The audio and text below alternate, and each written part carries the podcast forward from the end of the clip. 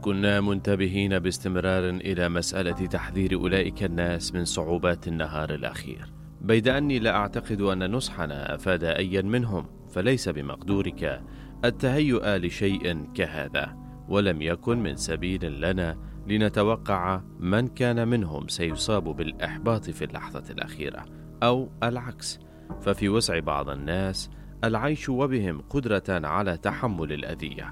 إلا أن البعض الآخر كانوا ينحدرون في مواجهتها.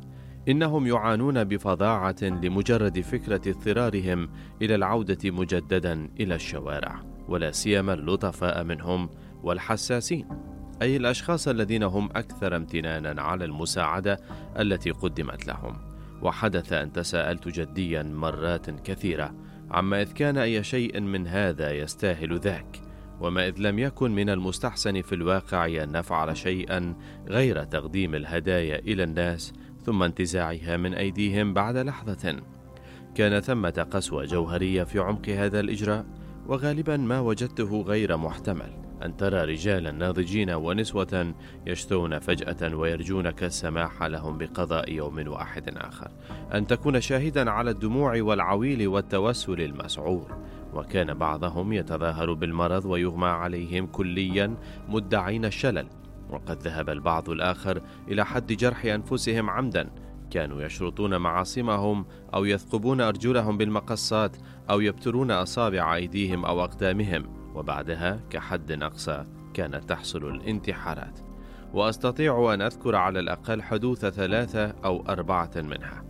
وقد كان من المفترض أننا نعمل على مساعدة الناس في مأوى وبرن ولكن كنا في بعض الأوقات ندمرهم فعليا.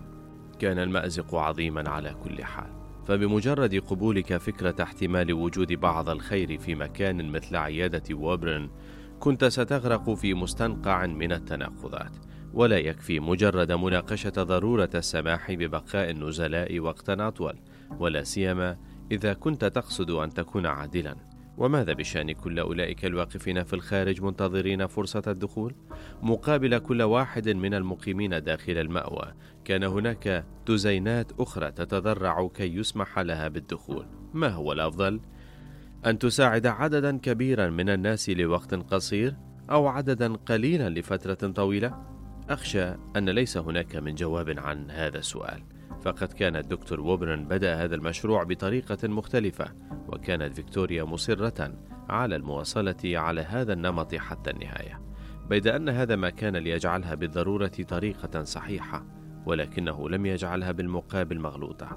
فالمشكلة لم تكن أصلا في الطريقة بل في طبيعة المشكلة بحد ذاتها.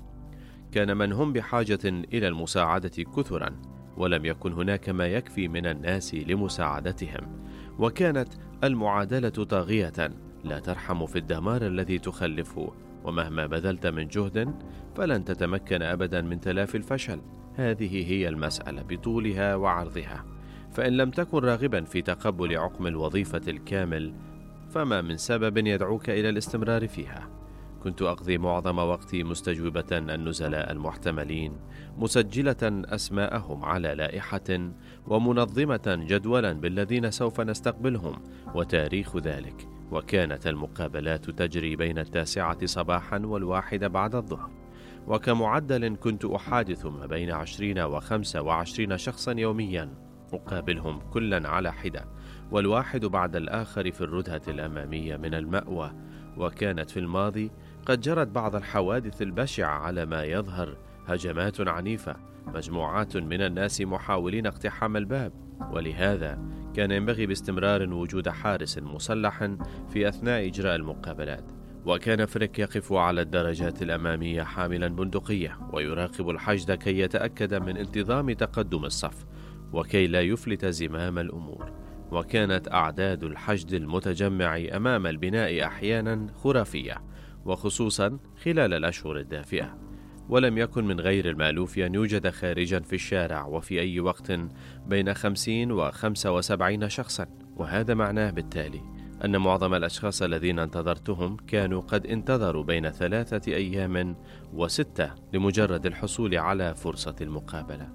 كانوا ينامون على الأرصفة ويتقدمون إنشا إنشا في الصف مثابرين بعناد إلى أن يحين دورهم في النهاية. وكانوا يتقدمون واحدا واحدا باضطراب كي يقابلوني كانوا سيلا لا ينقطع من الناس وكانوا يقتعدون المقعد الجلدي الأحمر من جانب الطاولة الآخر المواجه لي فأوجه إليهم كل الأسئلة الضرورية الاسم، العمر، الوضع الاجتماعي، المهنة السابقة، العنوان الثابت الأخير إلى آخره. ولم يكن ذلك يستغرق أكثر من دقيقتين، بيد أن المقابلات التي انتهت عند هذا الحد كانت نادرة. كانوا جميعا يريدون إخبار قصصهم، ولم يكن لدي خيار غير الاستماع. وكانت القصص مختلفة في كل مرة، بيد أن كل قصة كانت في النهاية هي نفسها، حلقات سوء الحظ.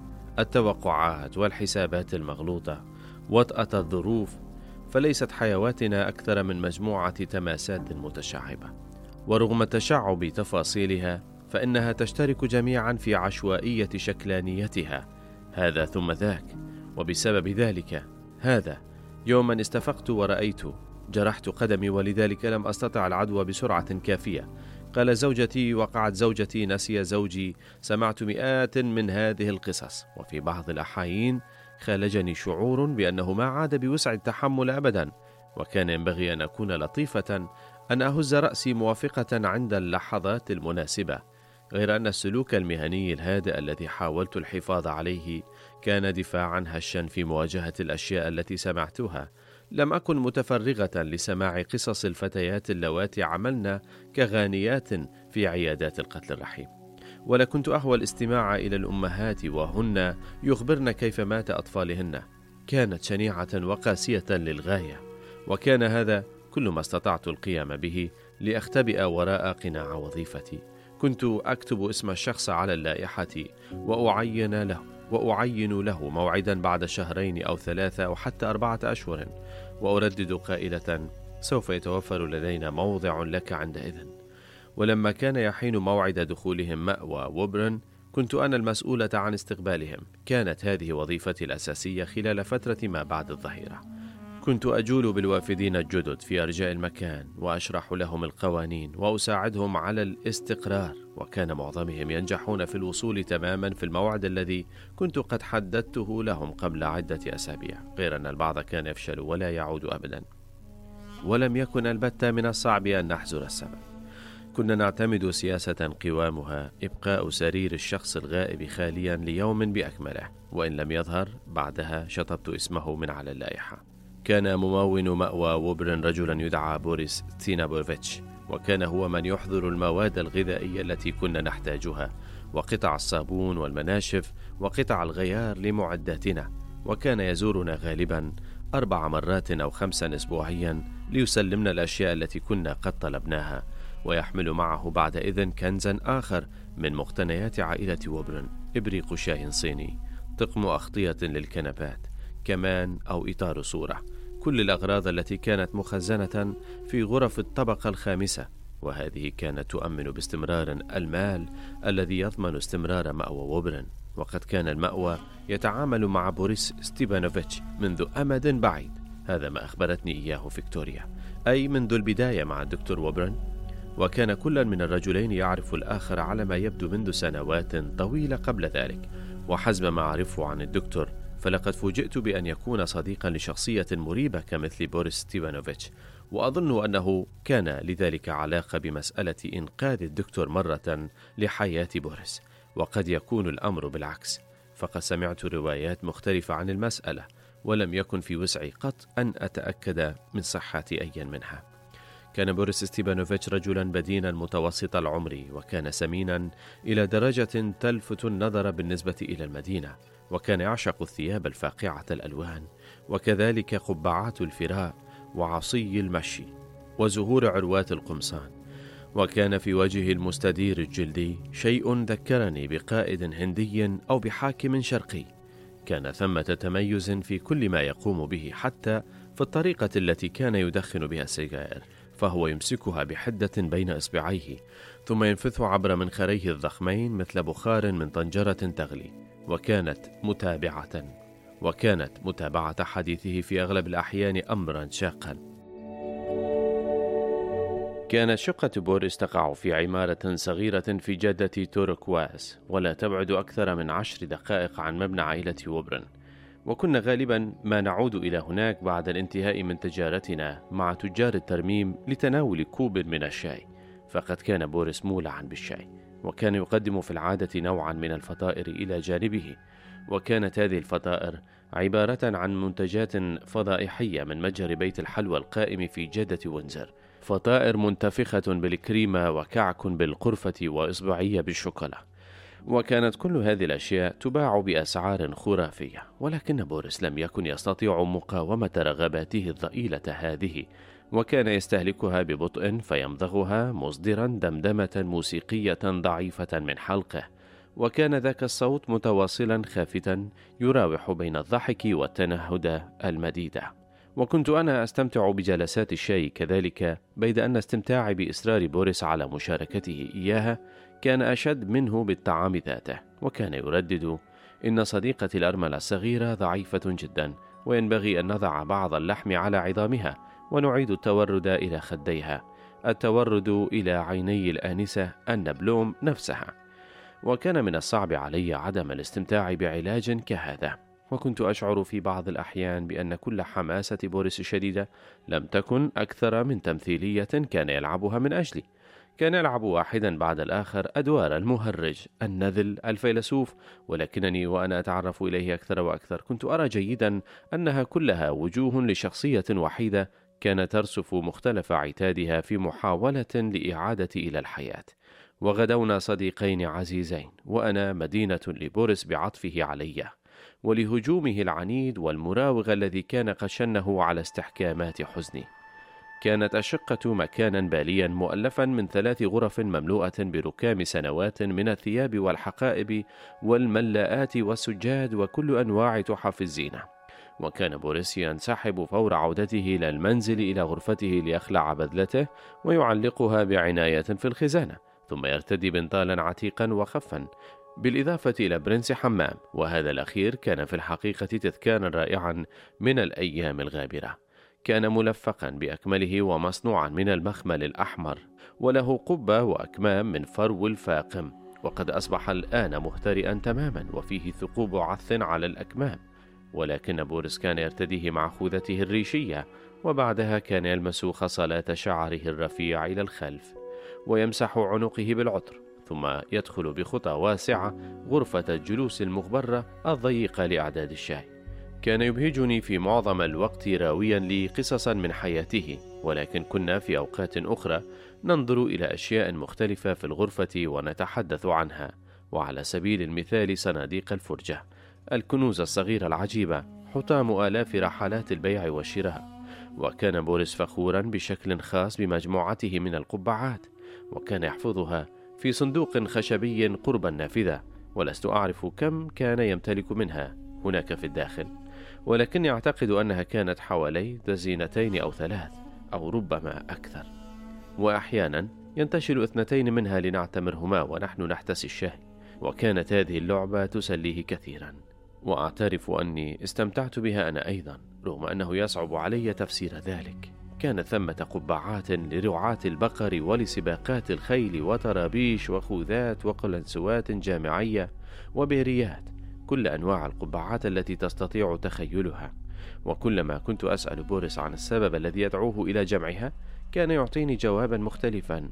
قال مرة إن اعتمار القبعات كان جزءا من ديانته. ومرة أخرى راح يشرح لي أن كل واحدة من قبعاته كانت لأحد أقربائه وأنه كان يعتمرها كي يتواصل مع أرواح أجداده الأموات.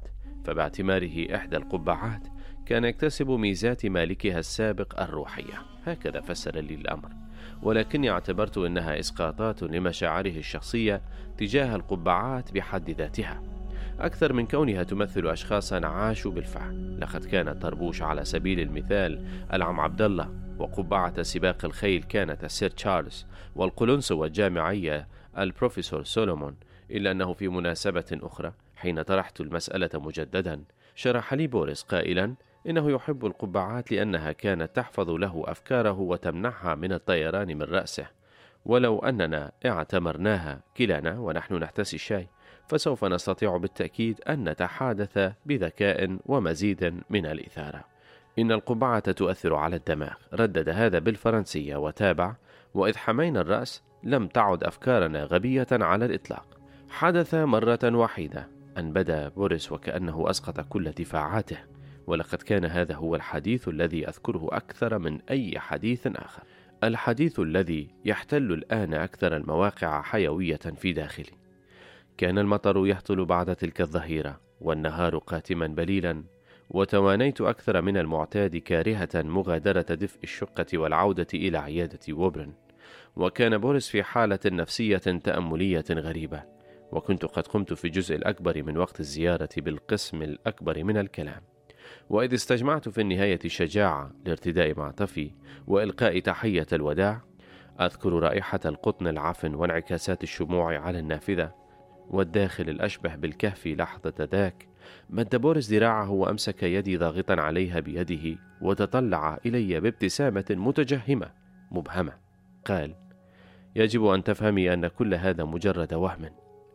لست متأكدة من أنني أعرف ما تعنيه يا بوريس مأوى وبرن إنه مبني على أساس من الضباب. إنه يبدو لي متينا. أنا هناك يوميا كما تعرف والبناء لم يتحرك قط بل إنه لم يرتعش البتة. أجل في الوقت الحاضر. ولكن أعطيه بعض الوقت وسترين بعدها ما الذي أقصده. كم يبلغ طول بعض الوقت هذا؟ الوقت الذي ينبغي له في وسع غرف الطابق الخامس أن تدعمه لوقت معين فقط. أنت تفهمينني وعاجلا أو آجلا لن يتبقى أي شيء للبيع. بل إن المخزون قد تضاءل الآن وما من عودة لأي غرض ذهب. أو هذا مريع إلى هذه الدرجة؟ كل شيء ينتهي يا بوريس. لست أرى سببا لأن يكون مصير المأوى مختلفا. سهل عليك قول هذا. ولكن ماذا بشأن المسكينة فيكتوريا؟ فيكتوريا ليست غبية. أنا واثقة من أنه خطرت لها كل هذه الأمور. فيكتوريا عنيدة أيضا. إنها سوف تقاوم حتى آخر غلوطة. بعد ذلك لن تكون في حال أفضل من حال الناس الذين كانت تحاول مساعدتهم. أليست هذه مشكلتها هي؟ أجل ولا. لقد كنت وعدت أباها بأن أعتني بها. ولن أنكث بوعدي. لو أنك استطعت فقط رؤيتها حين كانت فتية منذ سنوات قبل الانهيار كانت جميلة للغاية ومفعمة بالحياة وإنه لا يعذبني مجرد التفكير في أن شيئا ما قد يحصل لها. إنك تفاجئني يا بوريس تبدو عاطفيا بكل ما في الكلمة من معنى. أخشى أن نكون جميعا نتكلم لغتنا الخاصة بالأشباح. لقد قرأت الكتابات اليدوية على جدران ولا يشجعني أي واحد منها. سوف تنفذ كل أموال مأوى ووبرن ولكن لدي بالتأكيد مصادر إضافية في هذه الشقة.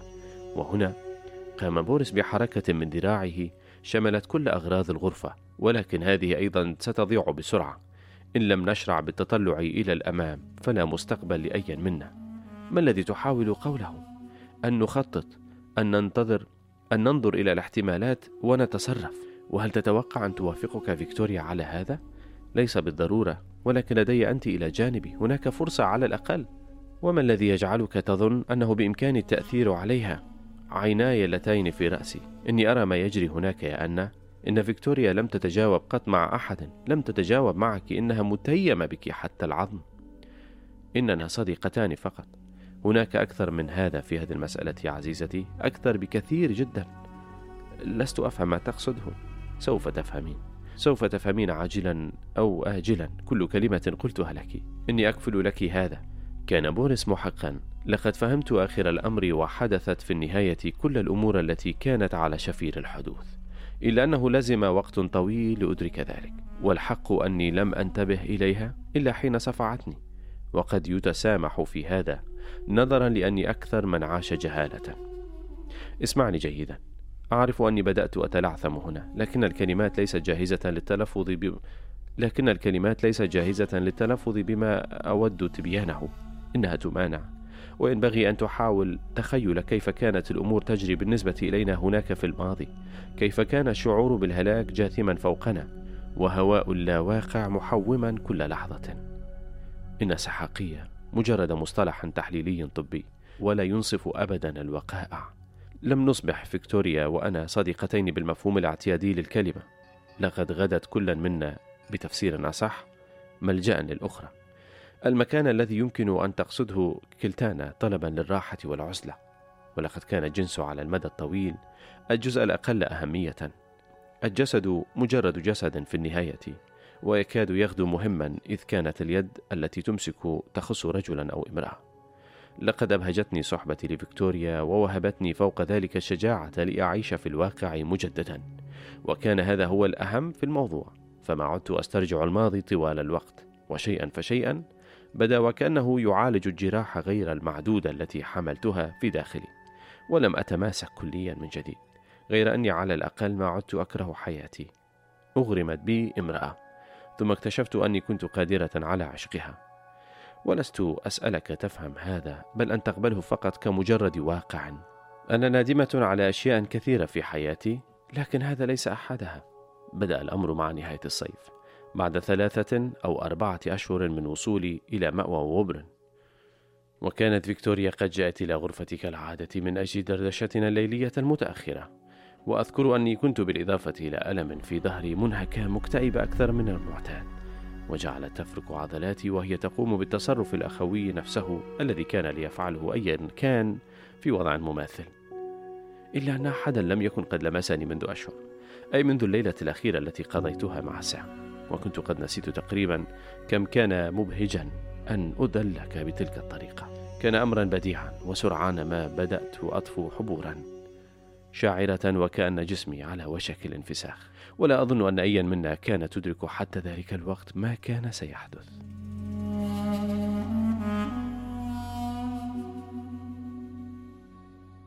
تابعنا النوم معا طوال الأشهر القليلة التالية. وفي النهاية بدأت أشعر بأني في دياري هناك. كانت طبيعة العمل في ماو وبرن موهنة للمعنويات إلى أقصى الحدود في غياب شخص تعتمد عليه. ومن دون مكان ثابت تلقي فيه مرساة مشاعرك. أناس كثر جاءوا وغادروا. حيوات كثيرة توشعت قربك. وما تكاد تتعرف جيدا إلى أحدهم حتى يكون قد وظب أغراضه مغادرا. ثم كان يأتي واحدا آخر فينام في المخدع الذي شغله ذات مرة شخص آخر. ويجلس على الكرسي عينه ويمشي على بقعة الأرض ذاتها ثم يحين موعد رحيل ذلك الشخص أيضا وتتكرر العملية من جديد. وفي مواجهة هذا كله كنا أنا وفيكتوريا هناك وإحدانا للأخرى في السراء والضراء كما كنا نردد. وكانت تلك القناعة الوحيدة التي لم تتبدل على الرغم من التغيرات التي جرت حولنا. وبسبب هذا الميثاق كنت قادرة أن أسترضي نفسي مع عملي. وكان لذلك بدوره أيضا تأثير مسكن لمعنوياتي ثم حدثت أمور أخرى ولم يعد في الإمكان أن نستمر كما كنا وسوف أتحدث عن هذا بعد قليل. ولكن الشيء المهم كان أن أي شيء لم يتغير فعليا. كان الميثاق لا يزال ثابتا وأدركت لمرة وبشكل نهائي أن فيكتوريا كان شخصا عظيم التميز. كان الوقت أواسط كانون الأول بالضبط قرابة اندلاع أول صقيع.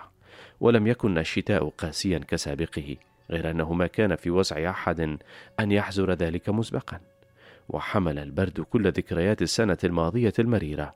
وكان بمقدورك حدس الذعر المتصاعد في الشوارع واليأس في أنفس الناس وهم يحاولون الاستعداد لمواجهة الهجوم الضاري وأمست الصفوف أمام مأوى وبر أطول من أي وقت خلال الأشهر الكثيرة الفائدة ووجدتني أعمل ساعات إضافية لأحاول فقط استيعاب التدفق.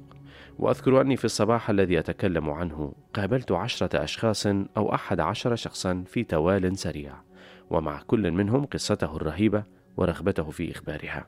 وكانت تدعى ميليسيا رايل وهي امرأة في حوالي الستين من العمر شديدة الاضطراب إلى حد أنها انهارت باكية أمامي.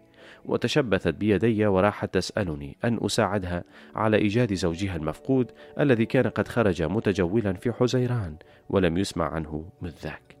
ماذا تتوقعين مني أن أفعل؟ سألتها. لا أستطيع أن أترك وظيفتي وأخرج متسكعة عبر الشوارع برفقتك. يتوجب علينا القيام بالكثير من العمل هنا.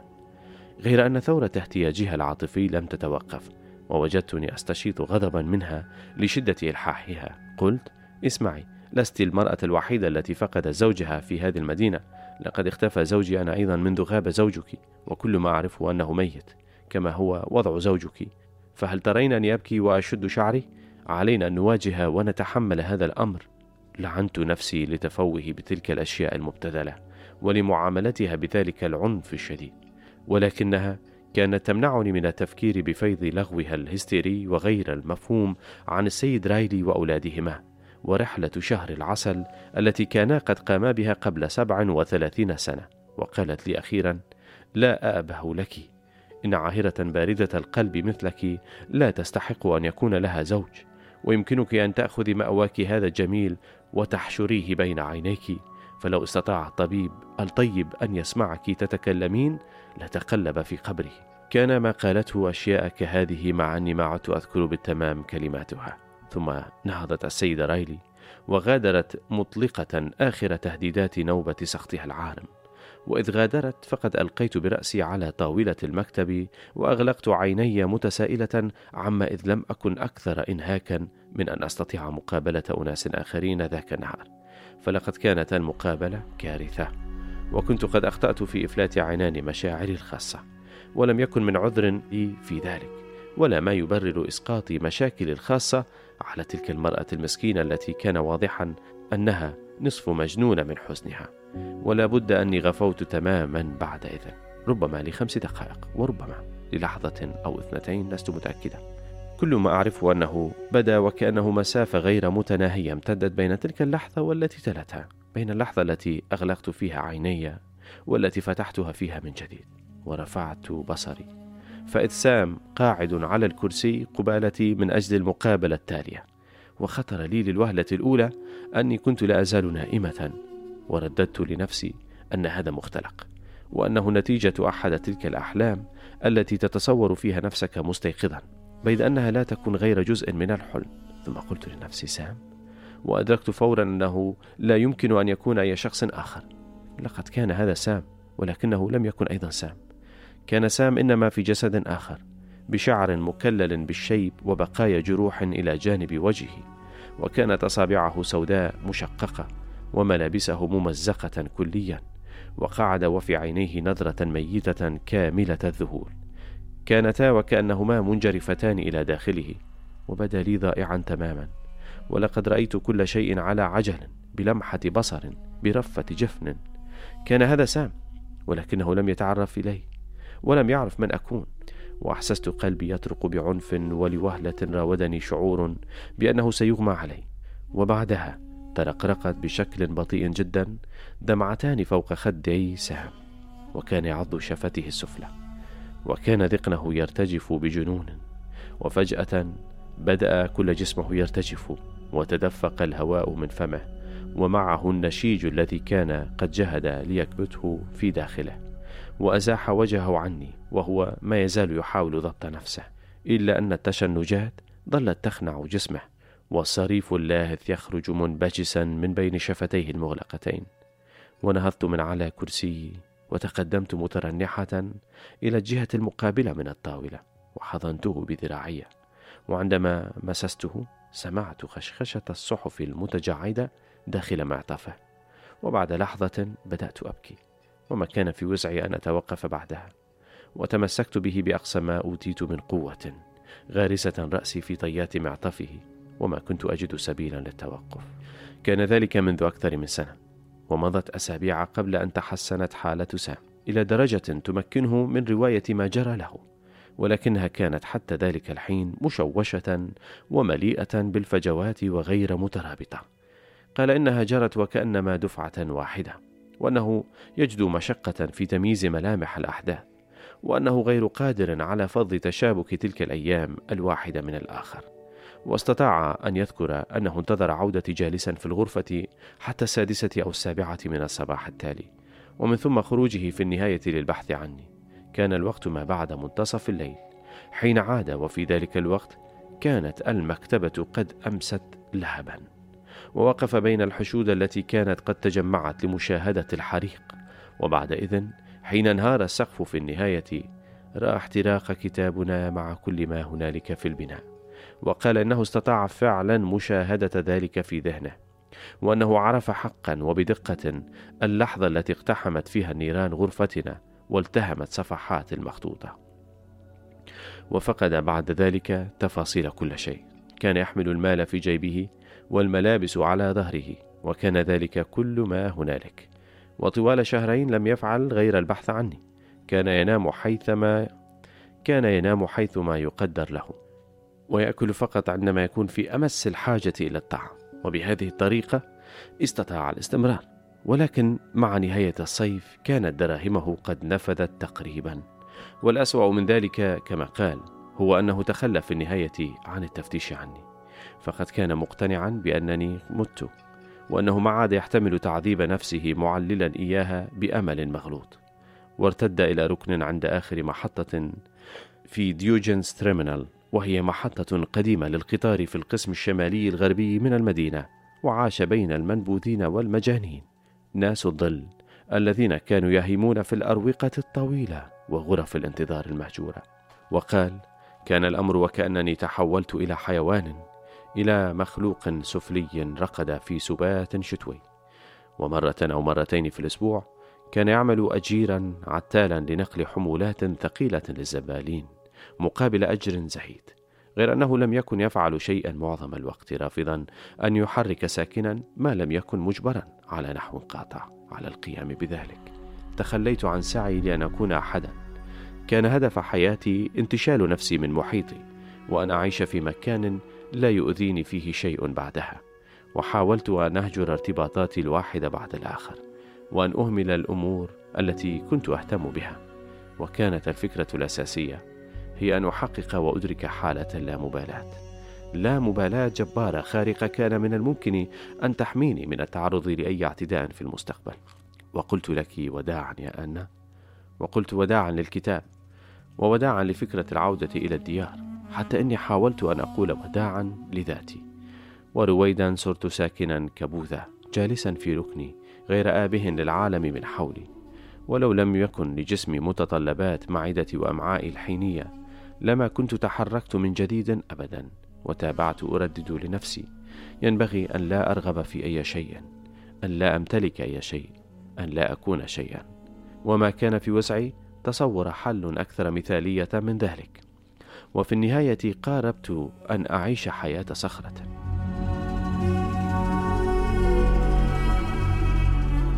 ثم اختفت ماجي ففي أحد الأيام وبكل بساطة لم تعد هناك ولم نجد أي دليل يمكن أن يرشدنا إلى مكان توجهها ولا بد أن تكون قد غادرت ونحن نائمون في الطبقات العليا غير أن هذا يكاد يفسر تركها وراءها كل أغراضها. فلو كانت نوت الهرب فمن الطبيعي أن يخالجنا شعور بأنها قد وضبت على الأقل حقيبة لرحلتها. وأمضى ويلي يومين أو ثلاثة أيام مفتشا عنها في المنطقة القريبة ولكنه لم يتمكن من العثور على أي أثر ولم يكن أيا من الأشخاص الذين سألهم عنها قد رآها. وتوليت وويلي بعد ذلك واجبات المطبخ. وما أن بدأنا نتأقلم وعملنا حتى وقعت حادثة أخرى. ففجأة ومن غير أدنى إنذار مات جد ويلي. وحاولنا وحاولنا أن نعزي أنفسنا معتبرين أن فريك كان عجوزا في الثمانين من العمر تقريبا كما قالت فيكتوريا. بيد أن ذلك لم ينفع كثيرا.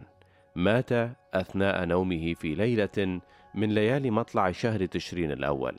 وكان ويلي هو الذي اكتشف الجثة استيقظ في الصباح ورى أن جده كان لا يزال في الفراش.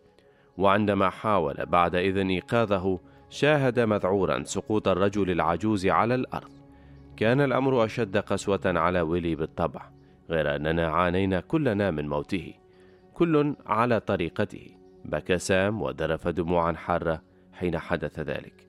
وامتنع بوريس ستيفانوفيتش عن التكلم مع أيا كان طوال أربع ساعات من تلقيه النبأ وقد كان هذا بمثابة رقم قياسي له ولم يكشف وجه فيكتوريا الكثير غير أنها مضت قدما وقامت بعمل طائش. وأدركت كم كانت قريبة من اليأس الكامل. كان دفن الموتى أمرا منافيا كليا للقانون وكان يتوجب نقل كل جثة إلى مراكز التحويل. ومن لا يذعن لهذا القانون يتعرض لأقصى العقوبات دفع غرامة قدرها 250 غلوطة وكان يجب أن تدفع في أثناء المثول أمام القضاء وإلا فالنفي الفوري إلى أحد معسكرات الأشغال الشاقة في القسم الجنوبي الغربي من البلاد. وعلى الرغم من كل ذلك وفي غضون ساعة من علمها بموت فريك أعلنت فيكتوريا أنها تعتزم إقامة مأتم له في الحديقة بعد ظهر ذلك اليوم. وحاول سام أن يردعها عن الفكرة لكنها رفضت التزحزح قائلة لن يعرف أحدا البتة وحتى لو استطاعت الشرطة أن تكتشف ذلك فإن الأمر لا يهم. يتوجب علينا أن نقوم بما هو مناسب وإن نحن سمحنا لقانون سخيف بالوقوف في طريقنا فسيكون لا فائدة منا أبدا. لقد كان تصرفا طائشا عديم المسؤولية تماما ولكن أعتقد أنها كانت في العمق تقوم به من أجل ولي. كان ويلي ولدا بدرجة ذكاء أقل من اعتيادية وكان في السابعة عشر من عمره لا يزال سجين ذات لم تكن تفقه شيئا من العالم المحيط بها وكان فريك قد اعتنى به وقام بالتفكير عنه وقاده عمليا عبر سبل الحياة وبغياب جده المباغت لم يكن في المستطاع توقع ما قد يحدث له. وكان ويلي الآن بحاجة ماسة إلى إيماءة منا إلى توكيد واضح ومسرحي بإخلاصنا وإلى دليل بأننا سنؤازره مهما كانت الظروف. كانت عملية الدفن مخاطرة هائلة ولكن حتى في ضوء ما قد جرى فأنا لا أعتقد أن فيكتوريا كانت على خطأ في اتخاذ ذلك القرار. وقبل المأتم توجه ويلي إلى المرآب وفك البوق من السيارة وأمضى ما يقارب الساعة ملمعا إياه. كان واحدا من تلك الأبواق العتيقة الطراز كمثل تلك التي كنت تراها على دراجات الأولاد بيد أنه كان أكبر حجما وأشد أهمية. كان له بواق من النحاس الأصفر ومقبض من المطاط الأسود تقريبا بحجم ليمونة جريب فوت وحمل ستة من النزلاء جثة فريك من المأوى إلى المقبرة. وما أن أنزلوه ومددوه على الأرض حتى قام ويلي بوضع البوق فوق صدر جده ليتأكد من دفنه معه. وقرأ بوريس ستيبانوفيتش بعدئذ قصيدة قصيرة كان قد كتبها للمناسبة وجرف بعدها كل من سام وويلي التراب مجددا إلى الحفرة. كانت جنازة بدائية إلى أقصى الحدود. لا صلوات ولا ترانيم بل مجرد القيام بما هو كاف وواف. لقد كان الجميع هناك في الخارج كل النزلاء كل أعضاء الفريق العامل وحين انتهى كل شيء كان معظمنا دامعين ثم وضعت صخرة صغيرة فوق الموضع كعلامة له وعدنا بعدها إلى داخل البناء. حاولنا جميعا بعدها أن نتغاضى عن تكاسل ويلي كلفته فيكتوريا بمسؤوليات جديدة وسمحت له حتى بالوقوف كحارس حاملا بندقية فيما كنت أنا أجري المقابلات في الرواق وسعى سام جاهدا لحضنه تحت جناحه فلقنه كيف يحلق بشكل صحيح وكيف يكتب اسمه كاملا وعلمه الجمع والطرح واستجاب ويلي بشكل جيد لذلك الاهتمام به. ولولا ضربة الحظ التعيسة لكان تأقلم وتحسن وضعه تماما على ما أظن. غير أنه بعد حوالي أسبوعين من وفاة فريك زارنا شرطي من مركز الشرطة الرئيسي. كان شخصية بلهاء المظهر كلي البدانة أحمر الوجه مرتديا واحدة من البذلات النظامية التي كانت قد وزعت أخيرا على الضباط في فرع الخدمات ذاك. سترة قصيرة حمراء فاقعة. بنطلون كالذي لركوب الخيل أبيض. وجزمة سوداء من الجلد الأسود اللماع. كان يسر في بذلته هذه السخيفة ولأنه أصر على دفع صدره ونفخه فقد راودني بالفعل أنه سوف يفرقع أزراره. طقطق كعيبه وحيا حين فتحت الباب ولربما كنت طردته لولا البندقية التي كانت مدلاة من فوق كتفه. قال هل هذا منزل فيكتوريا ووبرن؟ أجبت أجل وغير هذا أجابني إذا تنحي جانبا يا آنسة ودفعني في سبيله وهو يدخل الردهة إن التحقيق سيبدأ الآن. سأوفر عليك التفاصيل. كان جوهر الموضوع أن أحدهم كان قد وشى بالجنازة إلى الشرطة. وتوجهوا إلى هنا للتحقق من الأمر. ولا بد أنه كان أحد النزلاء غير أن هذا كان فعل خيانة مذهلا. ولم يكن لدى أي منا الوقت للسعي إلى تبيان من كان.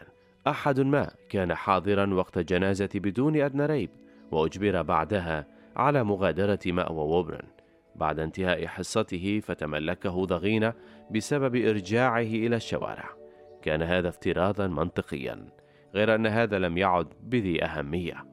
ربما كانت الشرطة قد رشت هذا الشخص ولربما قام به لمجرد الحقد.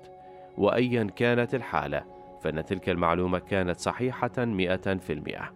واندفع الشرطي إلى داخل الحديقة الخلفية وفي إثره مساعداه وتفحصا وتفحص السياج بدقة بضع هنيهات.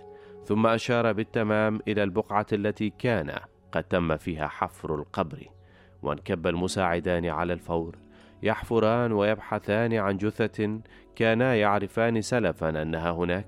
قال الشرطي إن هذه مخالفة سافرة للقانون. أنانية القيام بدفن جثة في هذا النهار والعصر. تصوروا وقاحة هذا سوف يقضى علينا من غير جثث للحرق. هذا مؤكد سندمر كلنا. من أين سنحظى بالوقود؟ وكيف سنبقى على قيد الحياة في زمن الطوارئ الوطنية هذه؟ يجدر بنا أن نكون جميعا محترسين لا ينبغي أن نوفر جثة واحدة. وأما أولئك الذين يعتزمون تخريب هذا القانون فإنه يتوجب معاقبتهم بدون تردد. إنهم شريرون من الصنف الأسوأ مجرمون غدارون حثالة المجتمع خونة. إنه ينبغي استئصالهم ومعاقبتهم. كنا جميعا في الحديقة آنذاك. وتحلقنا حول القبر فيما كان هذا الأحمق يهذر بملاحظاته الشريرة البلهاء تلك. وكان وجه فيكتوريا قد شحب ولو لم أكن هناك لإسنادها لكانت انهارت ساقطة على الأرض على ما أظن. وإلى الجانب الآخر من الحفرة المستطيلة كان سام يراقب ويلي بانتباه كان الصبي دامعا فيما كان مساعدا الشرطة يتابعان حفر الأرض ورمي التراب بلا مبالاة على الأجمة. ثم راح يبكي قائلا بصوت مرتعب إن هذا تراب جدي. لا يجب أن ترموه إن هذا تراب ملك لجدي.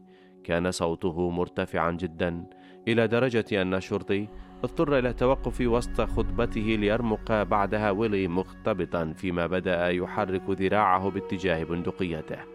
أطبق سام قبضته على فم ويلي وجعل يجره باتجاه المأوى جاهدا للسيطرة عليه فيما راح الصبي يتلوى ويركل طوال الطريق عبر المرجع.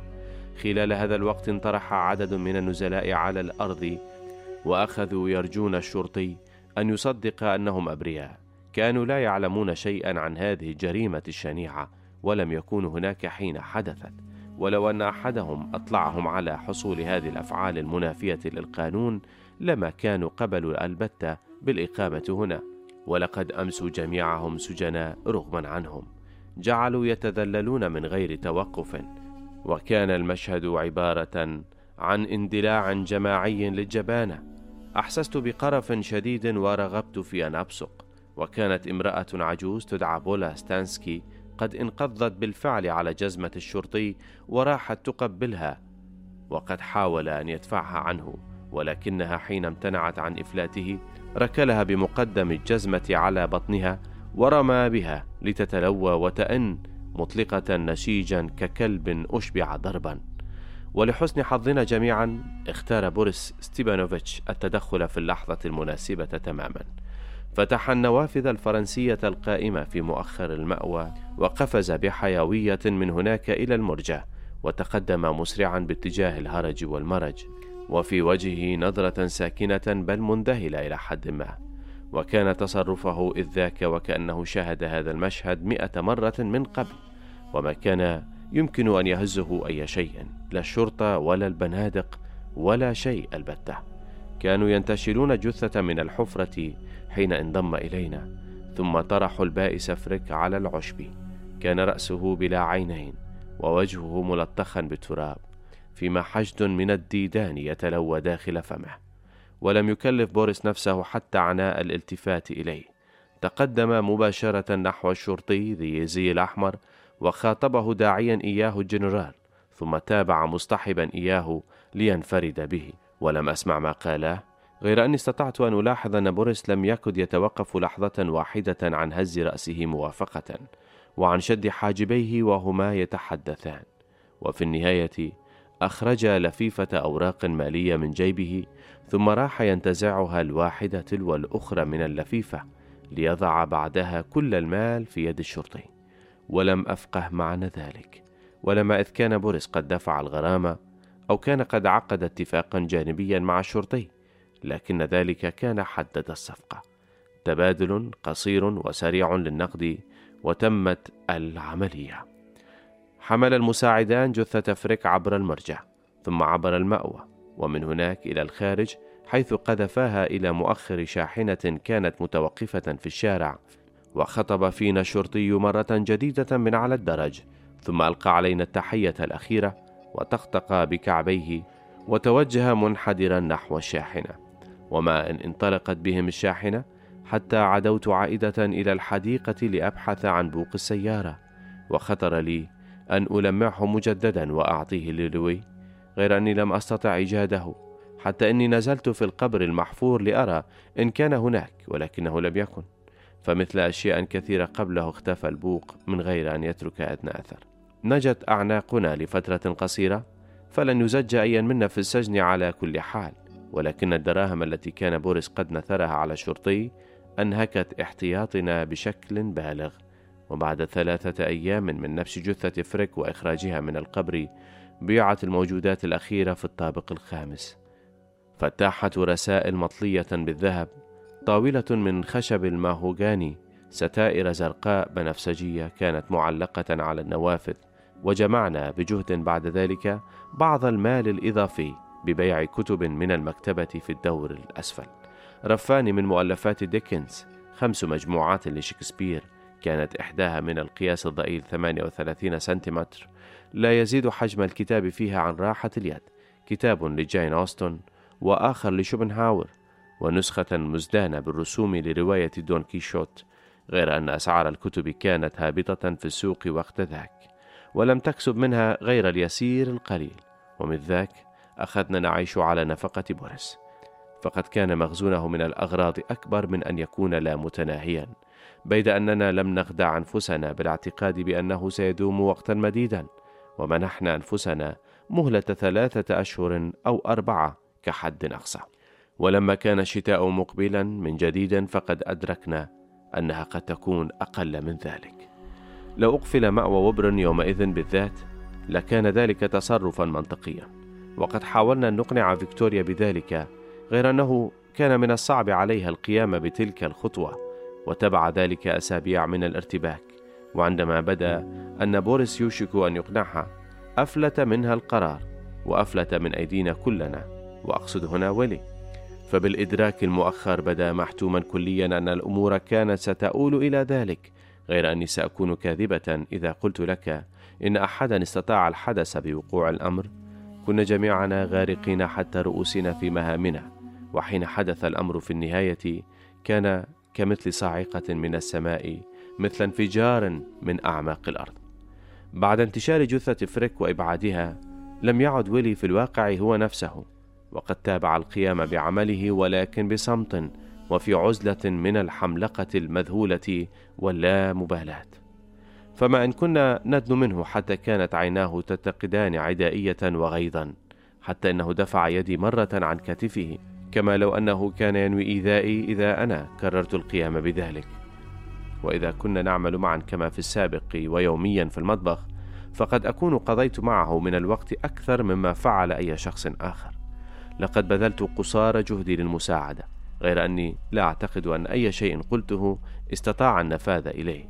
وكنت أقول له إن جدك بحال حسن يا ولي إنه في الجنة الآن والذي يحصل لجسمه غير مهم إن روحه حية ولن يكون راغبا في أن تقلق بشأنه هكذا. وليس بمقدور أي شيء أن يؤذيه إنه سعيد حيث هو الآن وهو يريد وهو يريدك أن تكون سعيدا أيضا.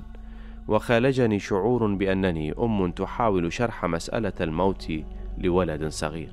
وكنت أتلفظ بذاك اللغو المتعجرف الذي كنت أسمعه من والدي غير أن ما قلته كان غير ذي نفع لأن ولي لم يكن يأبه لأي منه. لقد كان رجلا قبطاريخيا وردة فعله الوحيدة على الموت كانت في عبادة سلفه الراحل في أن يعتبره إلها وقد أدركت فيكتوريا ذلك بالحدث. فموضوع مقبرة فريك كان قد أمس أرضا مقدسة بالنسبة لويلي وها قد انتهكت قدسيتها الآن وانسحق نظام الأشياء ولم يكن لأي كم من كلام أقواله أن يعيد ترتيب الأمور. بدأ يخرج بعد العشاء وكان نادرا ما يعود قبل الساعة الثانية أو الثالثة من الصباح وكان يستحيل أن نعرف ما كان يفعل هناك في الشوارع إذ أنه ما كان يتحدث عن ذلك البتة. ولم يكن هناك أي مجال لتوجيه أي سؤال إليه. وذات صباح لم يرجع أبدا. وظننت أنه قد يكون غادر إلى الأبد ولكن بعد ذلك بعد الغداء بالضبط دخل المطبخ من غير أن يتفوه بحرف وبدأ يقطع الخضر وكأنه يتحداني ليجبرني على التأثر بغطرسته. كان الوقت إذ ذاك أواخر شهر تشرين الثاني وكان ولي قد أفلت مدوما في مداره. كان نجمة تائهة من غير مسار محدد ولم أعد أعتمد عليه للقيام بحصته من العمل وحين كان يحضر. كنت أقبل مساعدته وإذ غاب قمت أنا نفسي بالعمل. ومرة ظل غائبا مدة يومين وفي مرة أخرى ثلاثة أيام. وقد حملتنا هذه الغيبات التي كانت تطول تدريجيا على الاعتقاد شيئا فشيئا بأنه كان يبتعد عنا بشكل من الأشكال. وخالجنا شعور بأنه عاجلا أو آجلا. سوف يحل وقت لا يكون فيه معنا إلى الأبد. وبالطريقة التي توارت فيها ماجي فاين تقريبا. وكنا وقت ذاك منشغلين إلى درجة كبيرة وكان تدافعنا المذعور لإنقاذ سفينتنا المتصدعة من الغرق منهكا للغاية. وكان واحدنا ينتزع وكان واحدنا ينزع إلى عدم التفكير في ويلي عندما لا يكون في الجوار. وفي المرة التالية غاب ستة أيام وأعتقد أننا شعرنا جميعا آنذاك بأنه غادر نهائيا ثم استفقنا جميعا مذعورين في وقت متأخر من إحدى ليالي الأسبوع الأول من شهر كانون الأول على زعيق وتحطيم مريع في الغرفة السفلية.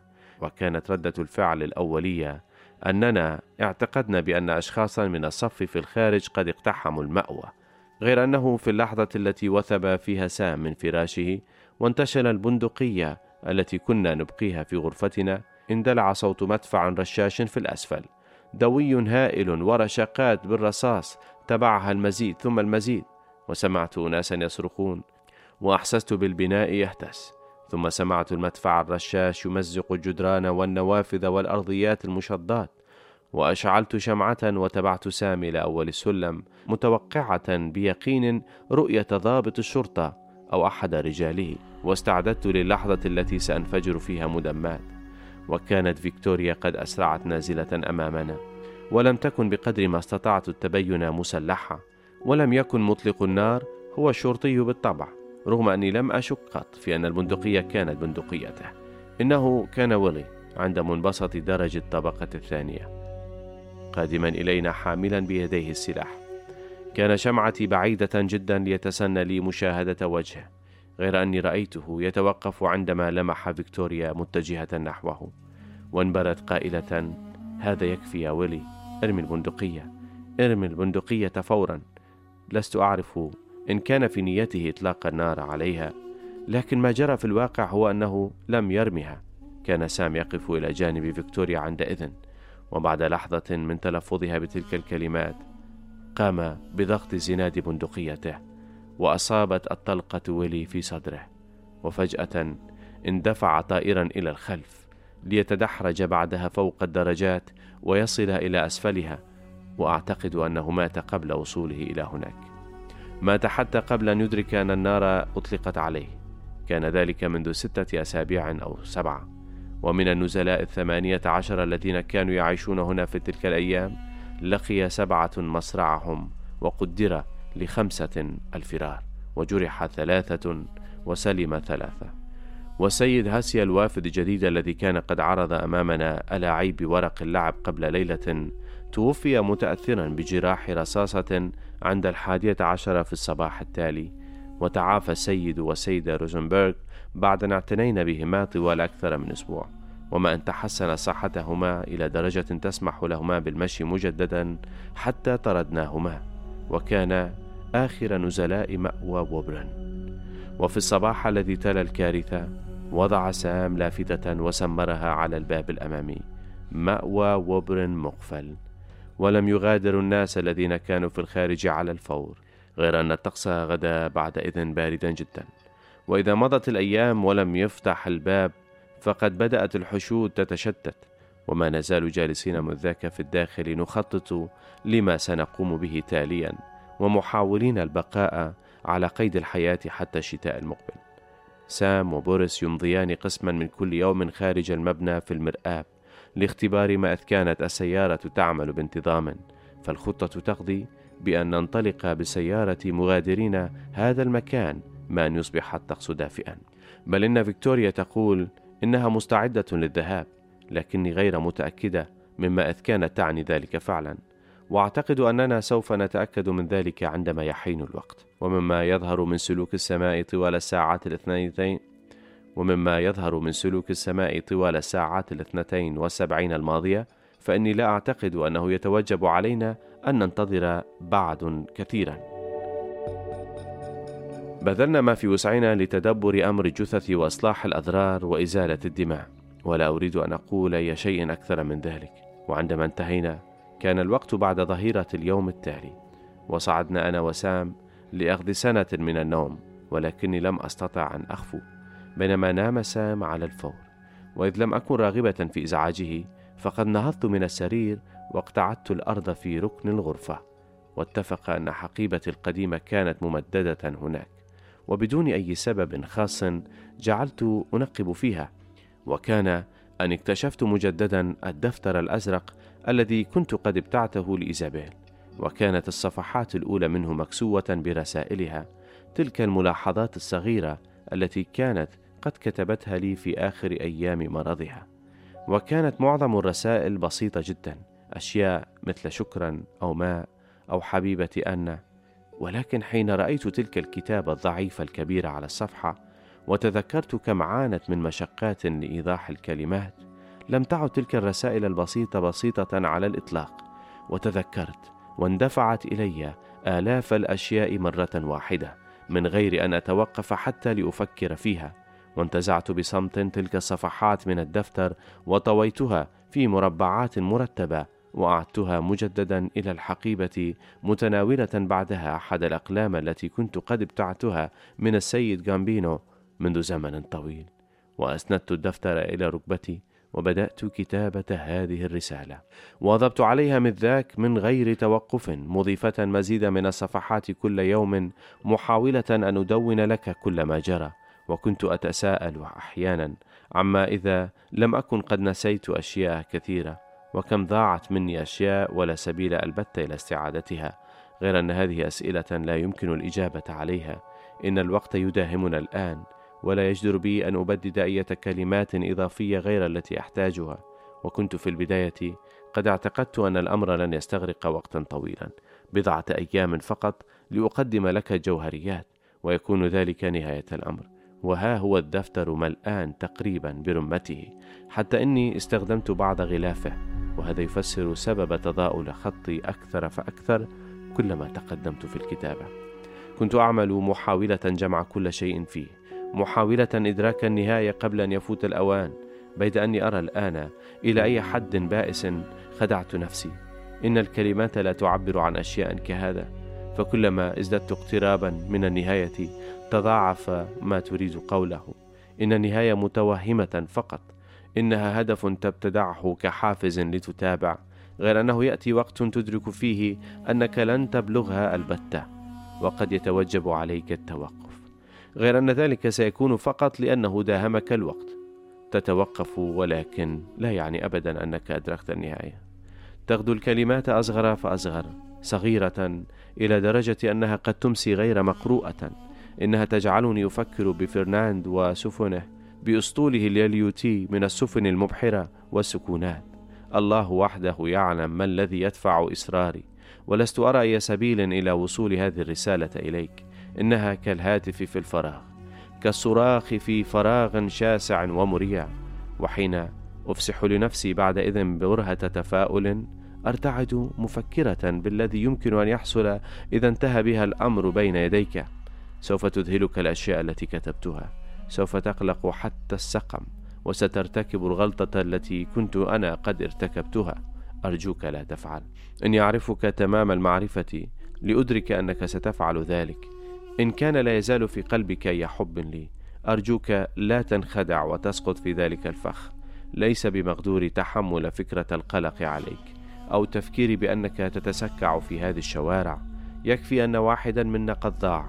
المهم هو أن تبقى حيث أنت. أن تتابع موجودا هناك من أجلي وفي ذهني أنا هنا وأنت هناك. هذا هو عزائي الأوحد هنا. ولا ينبغي أن تقوم بأي شيء يدمره.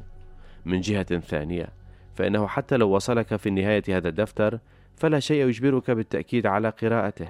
فأنت لست ملزما البتة تجاهي ولست أود أن يخالجني الإحساس بأني أجبرتك على القيام بأي شيء على الرغم منك. حتى إني أجد نفسي أحيانا آملة أن تؤول المسألة إلى تلك الخاتمة. إنك لن تمتلك ببساطة الشجاعة لأن تبدأها وإني لأفقه هذا التناقض. غير أن هذا لا يمنع أن ينتابني ذلك أحيانا. وإذا كانت هذه حقيقة الوضع فالكلمات التي أكتبها لك قد أضحت منذ الآن غير مرئية بالنسبة إليك. إن عينيك لن تراها البتة ولن ينشغل رأسك أو يحمل عبء ذرة من الذي قلته وقد يكون هذا أفضل. غير أني لا أعتقد أني أرغب في أن تمزق هذه الرسالة أو ترميها وإن اخترت عدم قراءتها فقد يجدر بك أن تعطيها لأهلي عوضا عن ذلك. وأنا متأكدة أنهم سيرغبون في الحصول على الدفتر حتى لو لم يستطيعوا هم أيضا قراءته. وقد يستطيعون وضعه في مكان ما في غرفتي فوق أحد الرفوف التي فوق سريري مثلا. إلى جانب دماي القديمة وزي الباليرينا الذي كان لي حين كنت في السابعة وهو أحد الأشياء الأخيرة التي تذكرهم بي. ما عدت أخرج كثيرا فقط حين يأتي دوري للقيام بالتبضع ولكن حتى عند ذلك يتطوع سام عادة للحلول مكاني. لقد فقدت عادة الشوارع الآن وأمست التجوالات مصدر توتر عظيم لي وأظن أنها مسألة توازن فكلما يضطرني الأمر إلى السير مسافة تزيد عن خمسين أو مئة ياردة أحسني أتمايل واهنة ويخالجني مع كل خطوة شعور بأنني سأسقط على الأرض. إن بقائي في الداخل أخف وطأة علي وأنا أتابع القيام بمعظم الطهي. غير أنه بعد أن كنت أعد الطعام لعشرين أو ثلاثين شخصا لم يعد الطهي لأربعة يعتبر شيئا.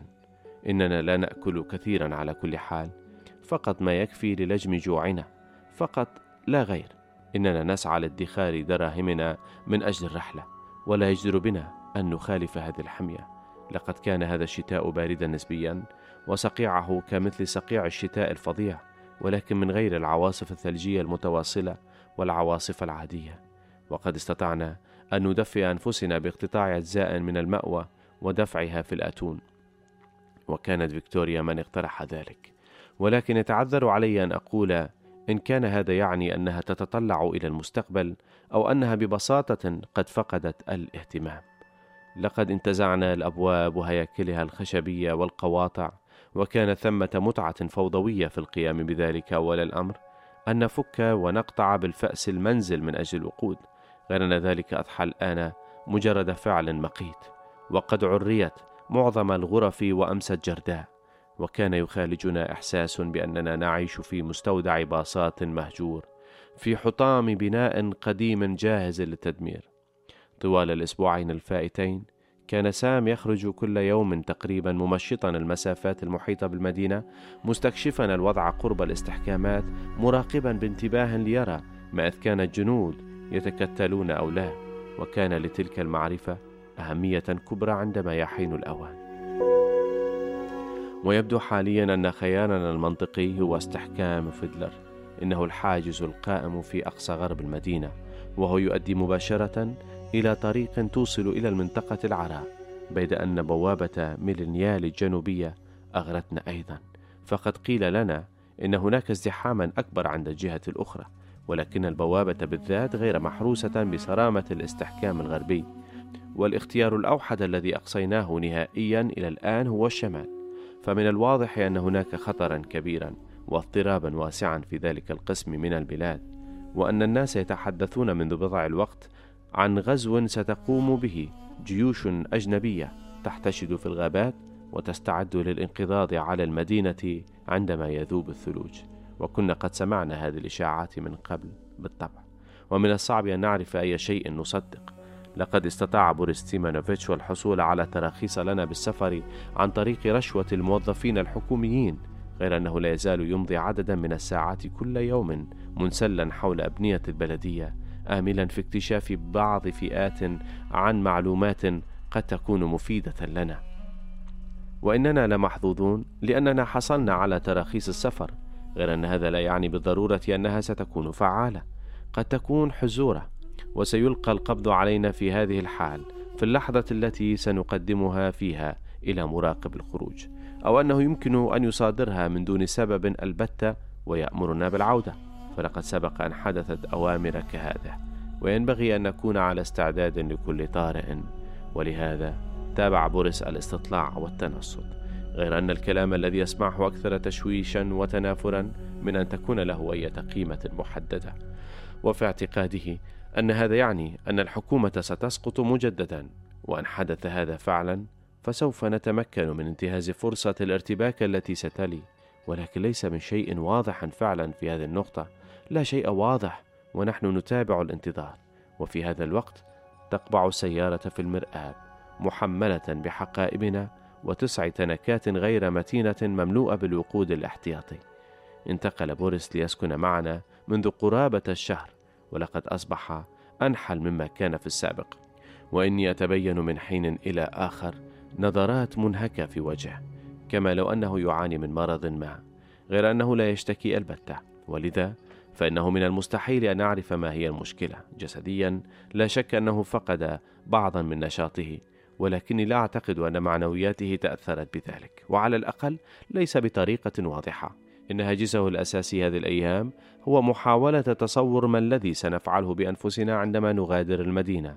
إنه يطلع بخطة جديدة كل صباح تقريبا وكل واحدة أسخف من سابقتها والأحدث بينها تتوجها جميعا غير أني أعتقد أنه يحبذها في الخفاء. يريدنا نحن الأربعة أن نبتكر استعراضا سحريا ويرى أن في مقدورنا أن نجول الأرياف في سيارتنا. ويتابع بأننا سنقدم هناك استعراضات مقابل الطعام والمسكن. سيكون هو الساحر بالطبع وسيكون مرتديا سترة tux سوداء وقبعة مرتفعة حريرية. وأما سام فسيكون النباح وستكون فيكتوريا مديرة الأعمال وسأكون أنا المساعدة. المرأة الشابة المغرية التي ستتبختر قرب الساحر في ثرثرة ضئيلة. وسوف أحمل للمايسترو أدواته في أثناء العرض. وللاستعراض الختامي سوف أتسلق لأدخل صندوقا خشبيا وأنشر قطعتين. سوف يتبع ذلك توقف طويل هاذ ومهتاج وبعد إذن وفي اللحظة المحددة وحين يكون قد فقد كل أمل سوف أبرز من الصندوق سليمة الأوصال ملوحة بالانتصار ونافخة قبلات إلى الجمهور مع ابتسامات مشرقة مصطنعة فوق كل وجه. ونظرا لما قد ينتظرنا فإنه لأمر مبهج أن نحلم بسخافات كهذه. يبدو ذوبان الثلوج والشيكن الآن بل هناك احتمال بأن نغادر غدا صباحا. هكذا كانت الأمور حين تركناها قبل توجهنا إلى الفراش. فإذ بدت السماء واعدة انطلقنا من غير أي كلمة إضافية. إن الوقت متقدم جدا في الليل الآن. والريح تعصف عبر شقوق المنزل. الجميع نيام الآن وأنا جالسة على أرض المطبخ محاولة أن أتخيل ما ينتظرني. وإني لأعجز عن تخيله فليس في وسعي حتى أن أبدأ التفكير بالذي سيحدث لنا خارجا هناك في العراء. كل شيء محتمل وهذا مساو تقريبا للا شيء. مساو تقريبا للولادة في عالم لم يكن موجودا أبدا من قبل. وقد نعثر على ويليام بعد مغادرتنا المدينة غير أني أحاول ألا أأمل كثيرا. الشيء الوحيد الذي أطلبه الآن هو الفرصة الفرصة لعيش يوم واحد آخر. هنا أن بلوم صديقتك القديمة من عالم آخر وسوف أحاول عندما نصل إلى المكان الذي نقصده أن أكتب إليك من جديد. أعدك